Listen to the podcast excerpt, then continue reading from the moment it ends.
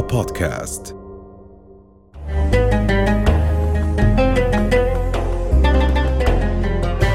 حلقة جديدة من ساعة محبة. لنرتقي سويا.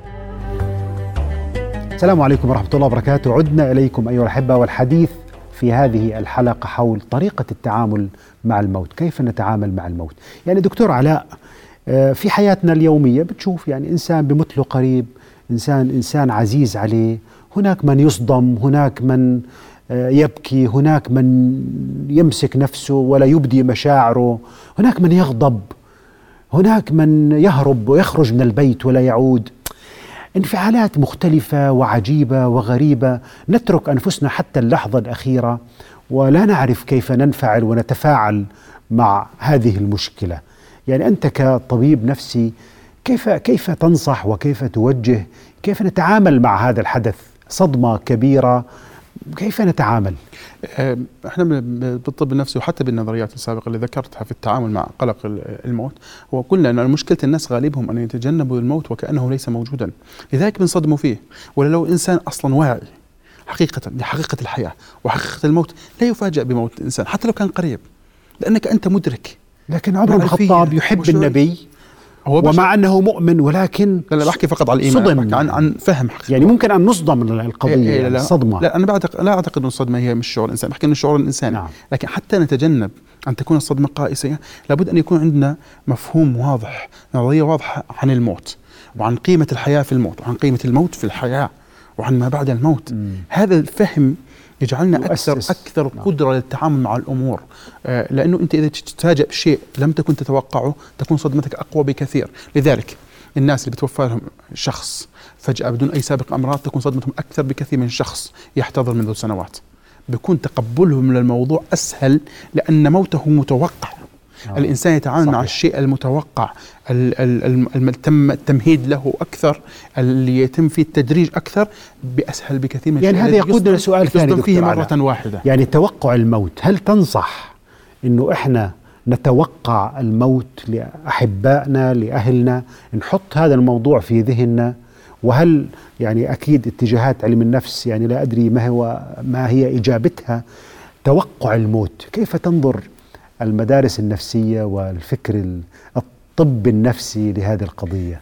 عالم الوجود اللي قلت لك قبل عنه قبل شوية وبعض من مدارس علم الوجود والناس اللي قائمين على نظرية إدارة التخوف هم ينصحون. يعني, يعني إحنا بنعتبر إنه كأنه ذكر الموت زي الملح على الطعام قليل منه جيد. مش قليل منه جيد. نعم. آه، كثرة كل يوم تتذكره أصبح معطل حتى نتماسك يعني. عند الصدمة. أي لا لكن كثرة كل شيء يعني تكثر كل يوم تذكر الموت أنت بطلت تقدر تعيش. لا تقدر تنام ولا تقدر تاكل ولا تروح شغلك. لكن تذكره من فترة لأخرى هو شيء أشبه ما يكون بتحصين النفس من الصدمات. أيوه. في النهاية هو شيء حتمي لا نستطيع تجنبه ولا نستطيع الهروب منه. فالأحسن أن نواجهه بحكمة ونعد أنفسنا ونحاول. هذا الشخص اللي إحنا مثلا حريصين عليه خايفين نفقده نقضي أجمل الأوقات معه مم. نحسن التعامل معه. خايف على والديك؟ خايف يوم أيام تفقدهم حاول تقضي أجمل لحظات معه نعم. تعرف ليش دكتور؟ لأنه في كثير من الناس جزء من صدمتهم ما بعد الموت هي في شعور بالندم الشديد. لو إني ما تقصير ما ما هذيك الكلمة ما قلت له إياها. لو إنه لما قال لي هذاك الموقف رحت يعني معاه كأنه صدمته بتصير أقل عندما يكون ابن بار أو يكون إيه صديق بار أو بلا شك لأنه ذكرياته معظم ذكرياته جميلة. جميل. لكن لما يكون ذكرياته مؤلمة ويشعر بالتقصير والذنب ليش ما عملت هيك؟ وليش ما عملت هيك؟ وليش ما عملت هيك؟ وليش ما عملت هيك؟ بيشعر بذنب شديد. وهذا الشعور بالذنب هو أحد المحددات في كيفية تفاعل الإنسان ما بعد الموت. لأنه قد يؤدي إلى الاكتئاب الشديد. لكن إذا كان إنسان بار ومخلص يتقبل الصدمة أكثر. نعم. ويكون تفاعله مع فترة الحداد نسميها فترة ال grief reaction فترة الحداد ما بعد الموت تكون تمر بسلاسة وبسهولة إذا شيء أجمل. قليل من تذكر الموت نعم. أو الاستعداد للموت نعم. مثل ما بقول علي مستوى الشخص أو على مستوى الآخرين نعم. أن تتوقع لنفسك ثم توقع الآخرين الآخرين. أنا بحكي منطلق النفس ما بحكي وعظ ديني وأنا بعتقد إنه الموت. يعني أعتقد إنه يمكن الخطاب الديني أيضا يعني في هذا الجانب لكن حتى علم النفس يدفع في هذا الشيء أن تتوقع شيئا الموت خوف بسيط ليس خوفا معطل للحياة. خوف الشيء قليل من الخوف هو شيء جيد. جميل جميل. هو الإمام علي يقول أشدد حيازيمك للموت إن الموت لاقيك ولا تجزع لحادثة الموت إن حلت بواديك. وبالتالي يعني كأنه ينسجم تماما مع هذه المقولة التي التي ذكرت. دكتور يعني خبر الموت يعني في مجتمعنا إنسان بده يبلغك إنه شخص توفي أحيانا في ناس غير موفقين أو حتى كأطباء راح عمل صورة أشعة الطبيب بيجي بيقول له روح روح واقعد ببيتك ولا تصرف قروش ولا إشي أنت راح تموت بعد أسبوع. في طبيب ثاني بيحكيها بطريقة أفضل بقول له يعني إنه آه نسأل الله يعني الخير لك وفي صعوبة في في وضعك آه بدنا نحاول نشوف صورة ثانية يعني هذه الطريقة بتخليه يموت قبل أن يموت يعني هو الرجل ببطل يأخذ دواء بنعزل عن الناس بكتئب بموت قبل أسبوعين بموت ثاني يوم ربما. إيه صحيح. هو هو الشيء المؤسف يعني هو شوف إذا الناس العامين قالوها ما بديش الاموم كثير لكن إذا قالها طبيب فهو ملام لأنه هذا الشيء من الأشياء التي تدرس. من أخلاق الطب. لا لا بس فقط أخلاق الطب. هذا هذا الموضوع بالذات. how يعني هم يقول لك breaking bad news يعني كيف تعطي خبر صادم للأهل؟ قد يكون إصابة بمرض خطير قد يكون آه، مثلا إنه هذا الشخص عنده مرض معدي. هذه الاخبار لها تقنية ولها أسلوب. لابد أن يكون بكل في احترام وفي إنسانية وفي تعاطف وفي تدرج حتى تستطيع أنك تستقبل الإنسان يستقبل الكلام من الطبيب. في النهاية ترى المراجع العلميه تقول لازم تخبره.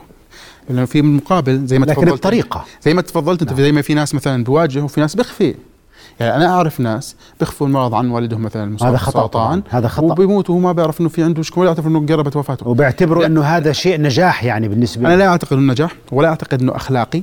وأعتقد إنه حق من حقوق الإنسان يعرف ما لديه من أمراض خصوصا إذا كان واعي عقليا. إذا مش واعي هذا موضوع اخر والله أنا سمعت إنه في الكورونا يعني وما زلنا نسأل الله إنه يكف عنا هذا البلاء. نعم. إنه بيقولوا والله إنه والدتي أصيبت وقلنا لها هذه فلونزا وطلع الفحص عندها إيجابي وما حكينا لها. بيعتبروا إنه هذا الشيء إنجاز. لأن أعتقد إنه هلا شوف يعني, يعني هو ما بدنا نعطي قاعدة عامة نعم. لأنه في بعض الحالات ممكن يكون قد يكون حالة استثنائية ممكن. آه بس لكن اجمالا أعتقد إنه من حق الإنسان يعرف ما لديه من مشكلة صحية اولا حتى يعرف يتعامل معها حتى يفهم شو القيود المح... لأن أنت بدك تحط كورونا بدك تخليه بالبس أسبوعين. طب مش فاهم أنا ليش خليتني نعم. بالبيت أسبوعين محجور؟ يعني مش منطق. لازم يكون فاهم. الآن كيف تقدم له الخبر؟ هذا موضوع آخر. نعم. لابد أن يكون أسلوب علمي احترافي فيه مراعاة لإنسانيته فيه تعاطف في تدرج حتى يستطيع أن يستقبل الخبر.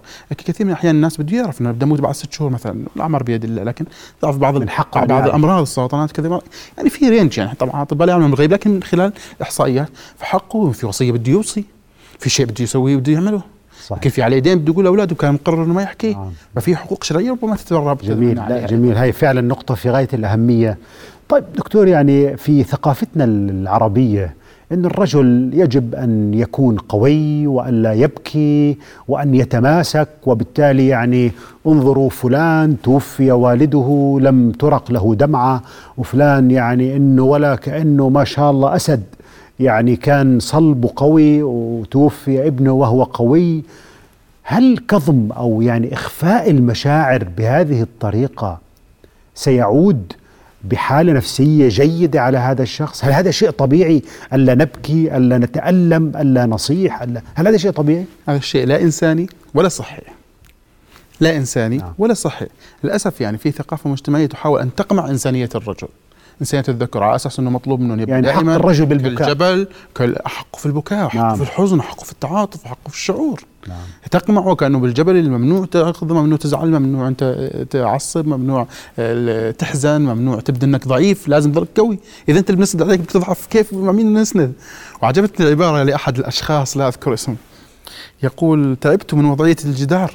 أريد أن أتكئ. يا سلام يا سلام. تعبت يعني ظل حياته طول حياته صلب. بدي أتكئ أنا حقي أتكئ. وهي عبارة جميلة صراحة موصفه يعني لصاحبها لا أعرفه هو نسيت اسمه على التويتر يعني نعم. شفتها. وأنا كتبت في مسابقه يوم الأب قبل فترة إنه فعلا الرجل عندنا مظلوم في مجتمعاتنا. هو الأب كثير إنسان حساس وعاطفي ويشعر بأولاده ويحزن من أجلهم ويتعاطف وممنوع أن يعبر عن ذلك.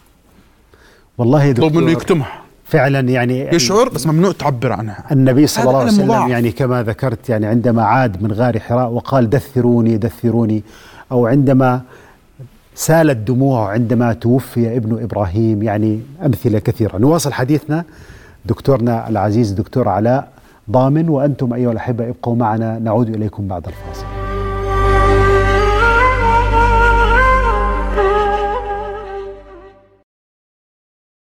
ذكر الحديث عن الموت وحتى في الوعظ الديني. يعني أغلب الأحيان إذا إنسان بده يحكي في الدين تجد بداية يبدأ بالموت ويتحدث عن الموت. هل الوعظ الديني بداية يعني لا يستطيع أن يكون وعظا دينيا إلا إذا بدأ من الموت وتحدث عن الموت؟ ما القضية؟ لماذا الحديث عن الموت يمثل العمود الفقري للخطاب الديني؟ وهل هذا يعتبر شيء على مستوى الصحة النفسية كثرة الحديث عن الموت من ناحية الصحة النفسية هو شيء إيجابي وهل ما يفهم البعض من الوعاظ من كثرة الحديث عن الموت هو فعلا شيء صحيح؟ آه، أعتقد أنا ما بدي أحكي عن الخطاب الديني لأنه مش متخصص فيه لكن من ناحية علم النفس نعم. آه، في في في فرق بين إنك تتحدث وتكثر من الحديث عن الموت لأي نفس جمهور مين مكان نعم. قد يكون ناس منهم عنده مشاكل نفسية أصلا. قد يكون ناس منهم صغار بالعمر ليسوا على قدرة على استيعاب الموضوع أو قد يكون شخص كبير في العمر عنده مشاكله. هذا هذا الخطاب العام لكل الناس أعتقد أنه خطاب ليس حكيما. نعم. تخاطب كل الناس بنفس الخطاب بنفس الطريقة دون مراعاة لاختلاف مستوياتهم لحالاتهم النفسية. أعتقد أنه خطاب ليس حكيما وربما الأعمار أيضا. إيه طبعا يعني العمر والظرف فهذا أعتقد خطاب الواحد. طب سؤال يعني دكتور ما هو السن المناسب للطفل حتى يعلم أو نخبره أو يخبر والديه ما هو الموت.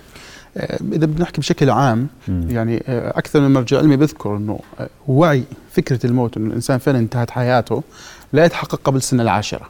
يعني قبل عشر سنين من الصعب على الطفل أن يفهم أصلا فكرة الموت أنه هذا الإنسان خلاص انتهى من الوجود فيزيائيا ولن يعود مرة أخرى. أو كيف انتقل من عالم يعني عقليا بيقدرش يعني لا هو عقله ليس واعيا للدرجة أنه يفهم هذا المفهوم. بعد عشر سنين يبدأ. أنا أحكي بشكل عام. لكن حقيقة في فروقات فردية. يعني ممكن تلاقي مثلا طفل عمره 12 سنة. تعرف حتى في أعتقد المشايخ بيقولوا في صبي مميز غير مميز يعني أحيانا في فروقات فردية بين الأطفال لكن إجمالا طيب شو الصيغة المناسبة؟ شو نحكي له؟ يعني الطفل عمره ثمان سنوات توفي أحد الأقارب قريب جدا آه، جده مثلا وبقول لك يعني بابا وين جده؟ يعني كيف بدك تجاوبه؟ يعني أنا أعتقد إنه أحسن صياغة يعني حتى نعم. تخلي الطفل يتجاوز أزمة نفسية إنه هذا الشخص مش موجود، لأنه غالبا متعلق فيه عاطفيا أن تقول له أنه انتقل إلى مكان آخر هو أجمل وأفسح ونحن في مسيرنا مستقبلا سنلتقي به في هذا المكان. نعم. أو إنه في السماء. يعني هناك من يستخدم عبارة أنه في السماء ما عندي مشكلة. حتى كلمة السماء من الطفل يعني شو بدي أفهم الجنة في السماء ماشي. يعني بهذا المعنى. مصطلح الجنة مصطلح متداول ومعروف وينظر له بشكل إيجابي في كل الديانات فأعتقد ما في مشكلة أن تستخدم المصطلح الجنة لكن فكرة أنه الموت وانتهى وما في له وجود خلاص انتهى عشر سنوات تقريبا لكن الجواب جواب ديني. حقيقة. هو ديني. نعم هو ديني. يعني نكون صادقين. يعني حقيقة أحسن أجوبة موجودة على الغيب هي أجوبة الدينية ما في جواب آخر. إحنا علم النفس يعني خلينا نتعامل مع, مع, مع قبل الموت. يعني هي النظريات كلها اللي كنت أحكي فيها قبلها أن تتعامل أنت كشخص مع شخص انتهى.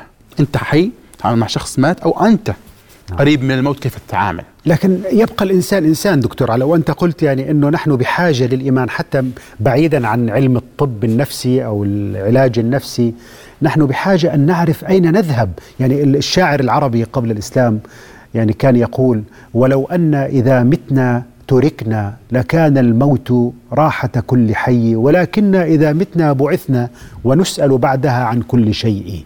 وبالتالي قضية ما بعد الموت له علاقة بإحساسنا بالموت لأنه إذا أنت كنت عارف أنك أنت ستكون إلى رب رحيم وإلى إله عادل وبالتالي شعورك بأن هناك شيء في المستقبل أو شيء بعد الموت بينما إذا كان العدم والعبث والعبثية ستكون إشكالية كبيرة يعني. صحيح. لذلك أنا بعتقد أنه في بعض مدارس النفس بالذات مدارس علم النفس الوجودي.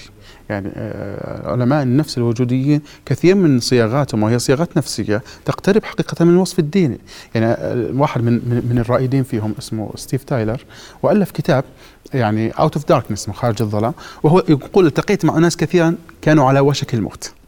إما بغرق أو بجلطة قلبية أو كانوا في ال ICU وهو أصلا يعني عالم في الطب يعني هو دكتوراه في الطب.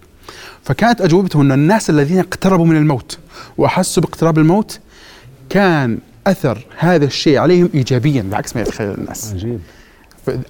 تحسنت أفكارهم نظرتهم للوجود تغيرت أصبحوا أكثر حبا للحياة أصبحوا أكثر للحياه ذات المعنى هو يركز على ذلك.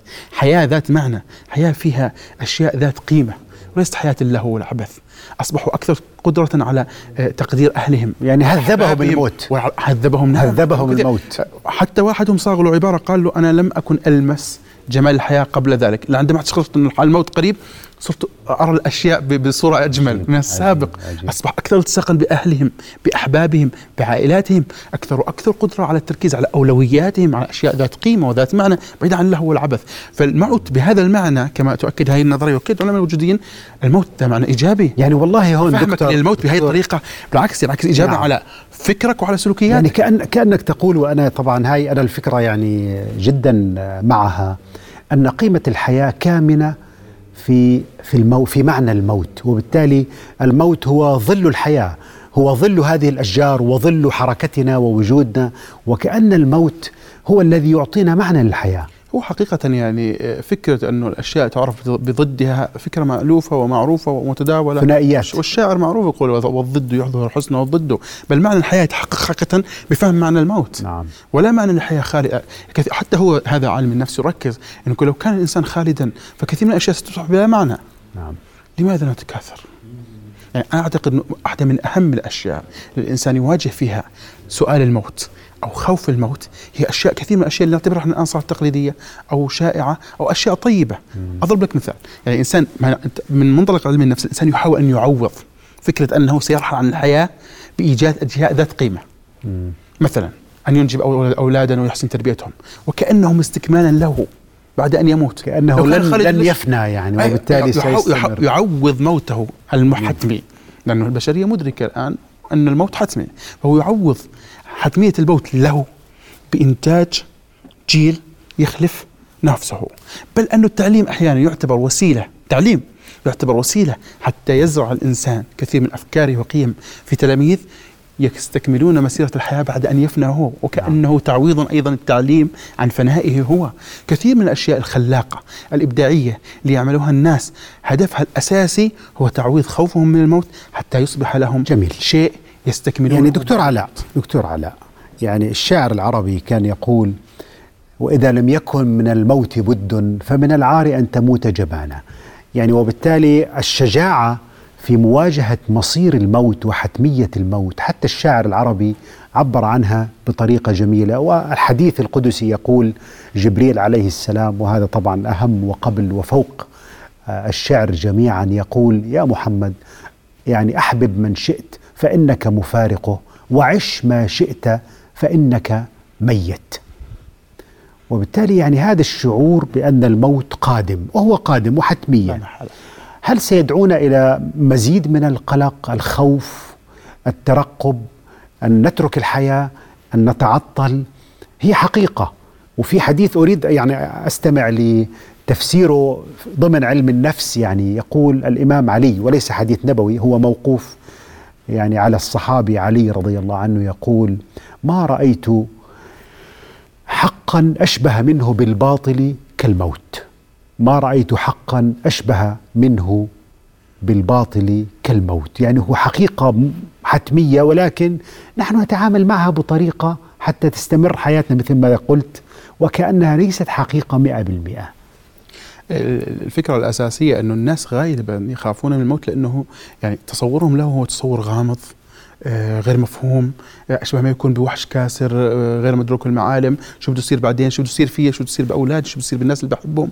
فهذه خلينا نقول عدم الوضوح والغموض في فهم حقيقة الموت يجعل الناس دائما خافين منه.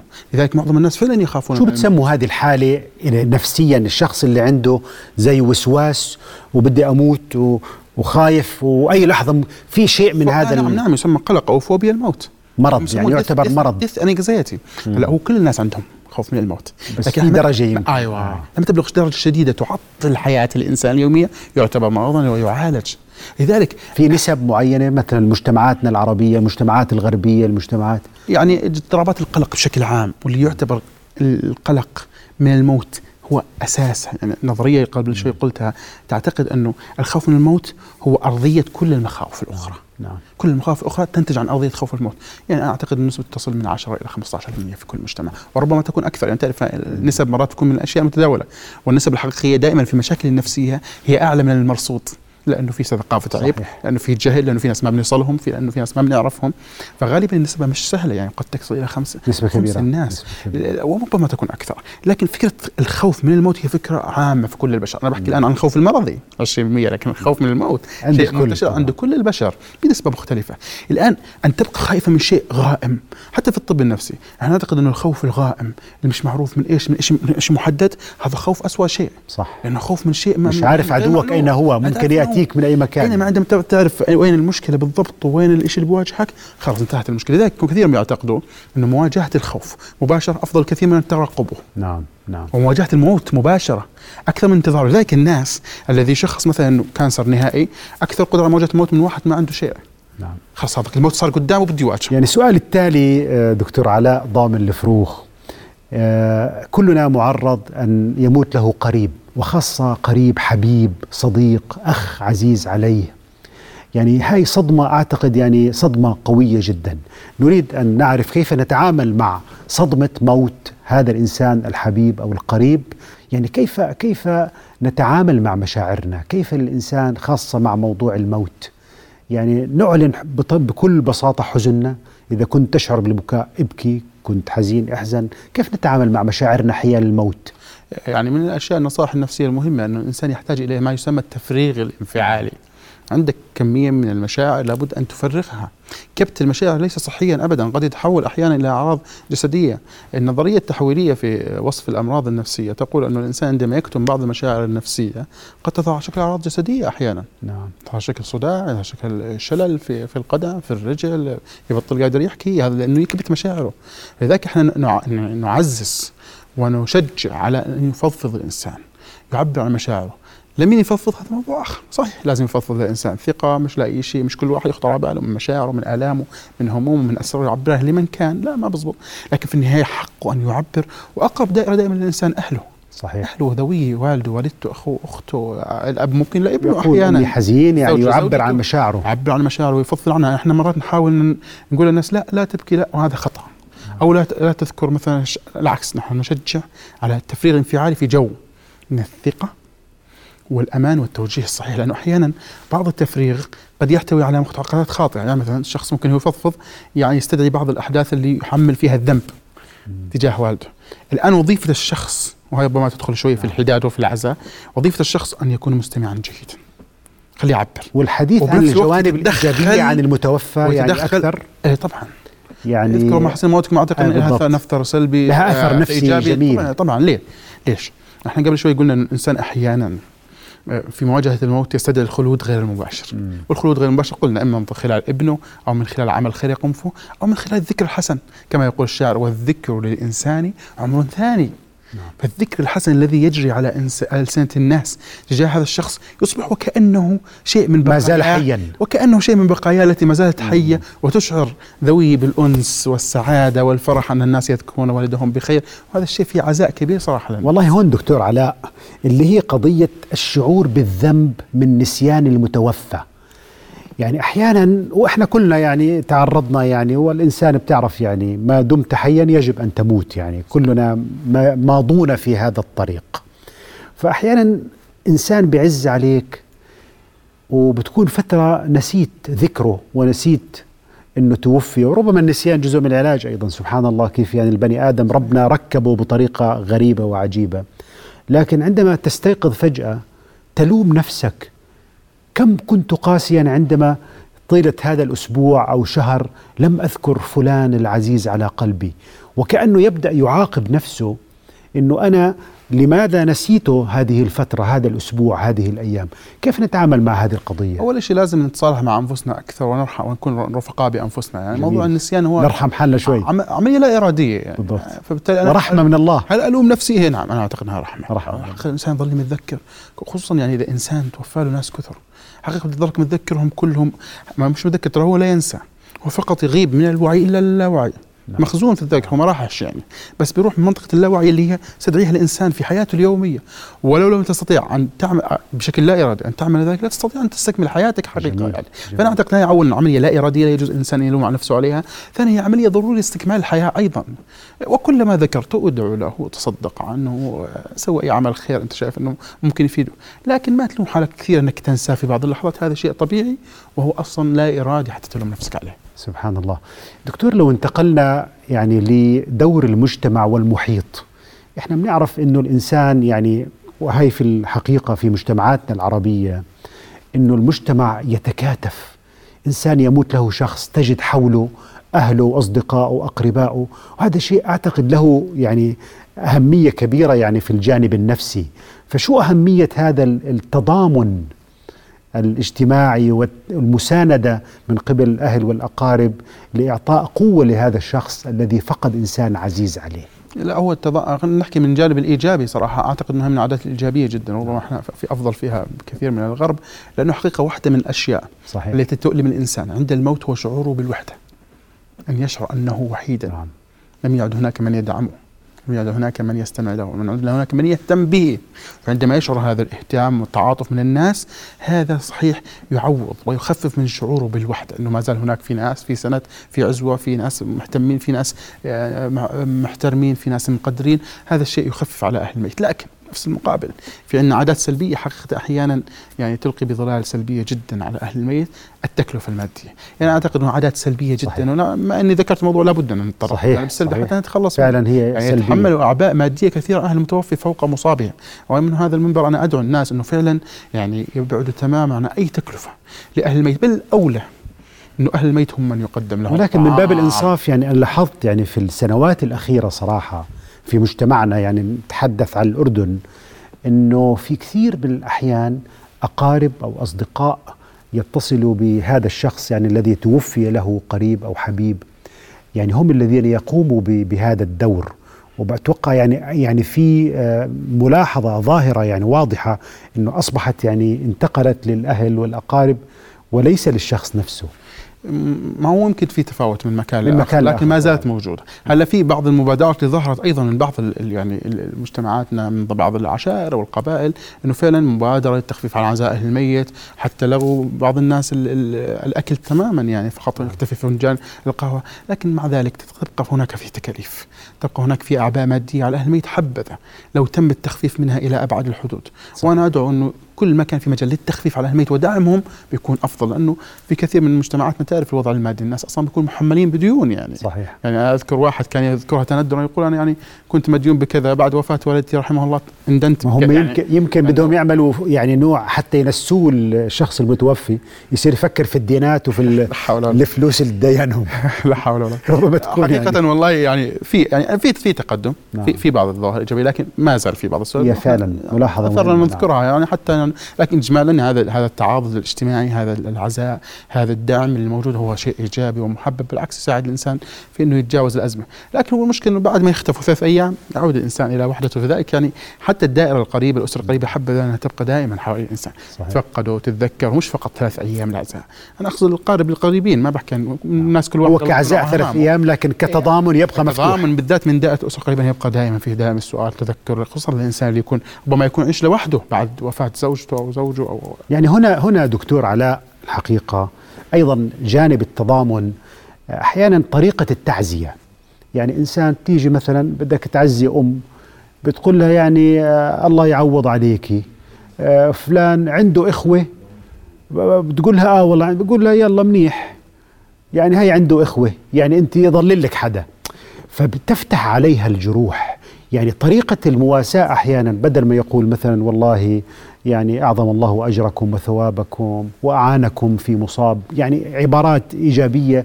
أحيانا هناك بعض العبارات التي يعني تثير العواطف بطريقة سلبية عند المتوفى لهم. كلامك صحيح. يعني عندنا مثل شعب يقول الملافظ سعد. جد يعني مش كل كلمة يقولها لازم يكون يحسب الحساب يعني معنى هذه الكلمة ممكن واحد شخص يقول لك طب أنا والله حبيت إني أقولها إنه في غيره. لا بس هذا معنى الكلام أن هذا الشخص غير مهم. بالضبط. المتوفى. وهذا شيء مؤلم جدا لأمه اللي هي تعتبره يمكن أحسن واحد في الكون. ربما يكون أحب أبنائها إليها مريضهم مثلاً. حتى يشفى. والأمهات بالنسبة لهم كل ابن هو موجود في حجرة من حجرات القلب يعني واذا كانوا أكثر من اربعه بكبر القلب عشان يتسع. فلذلك كل شخص هو مهم. أفضل شيء حقيقة هو يعني فعلا عبارات العزاء والتصبير وأنه كان شخص جيد وأنه محترم وأنه له محبين كثر وذكره الدائم إن شاء الله سيبقى على كل لسان وإن شاء الله في الحياة الأخرى تلتقوا فيهم في الجنة. يعني هذه العبارات الطيبة. التي تشعر الشخص صاحب العزاء أن الشخص الذي توفى مهم وباقي في ذكره أفضل بكثير من الأشياء اللي تحاول تعزيها إنه في غيره. جميل جميل. يعني دكتور علاء أكيد يعني هذا الموضوع يحتاج منا الكثير والكثير لأنه كما ذكرت يعني موضوع عميق في صميم مشاعرنا ووجودنا يعني لا يسعني الحقيقة في في نهاية هذه الحلقة إلا أن أشكرك شكرا جزيلا دكتور علاء ضامن الفروخ أستاذ الطب النفسي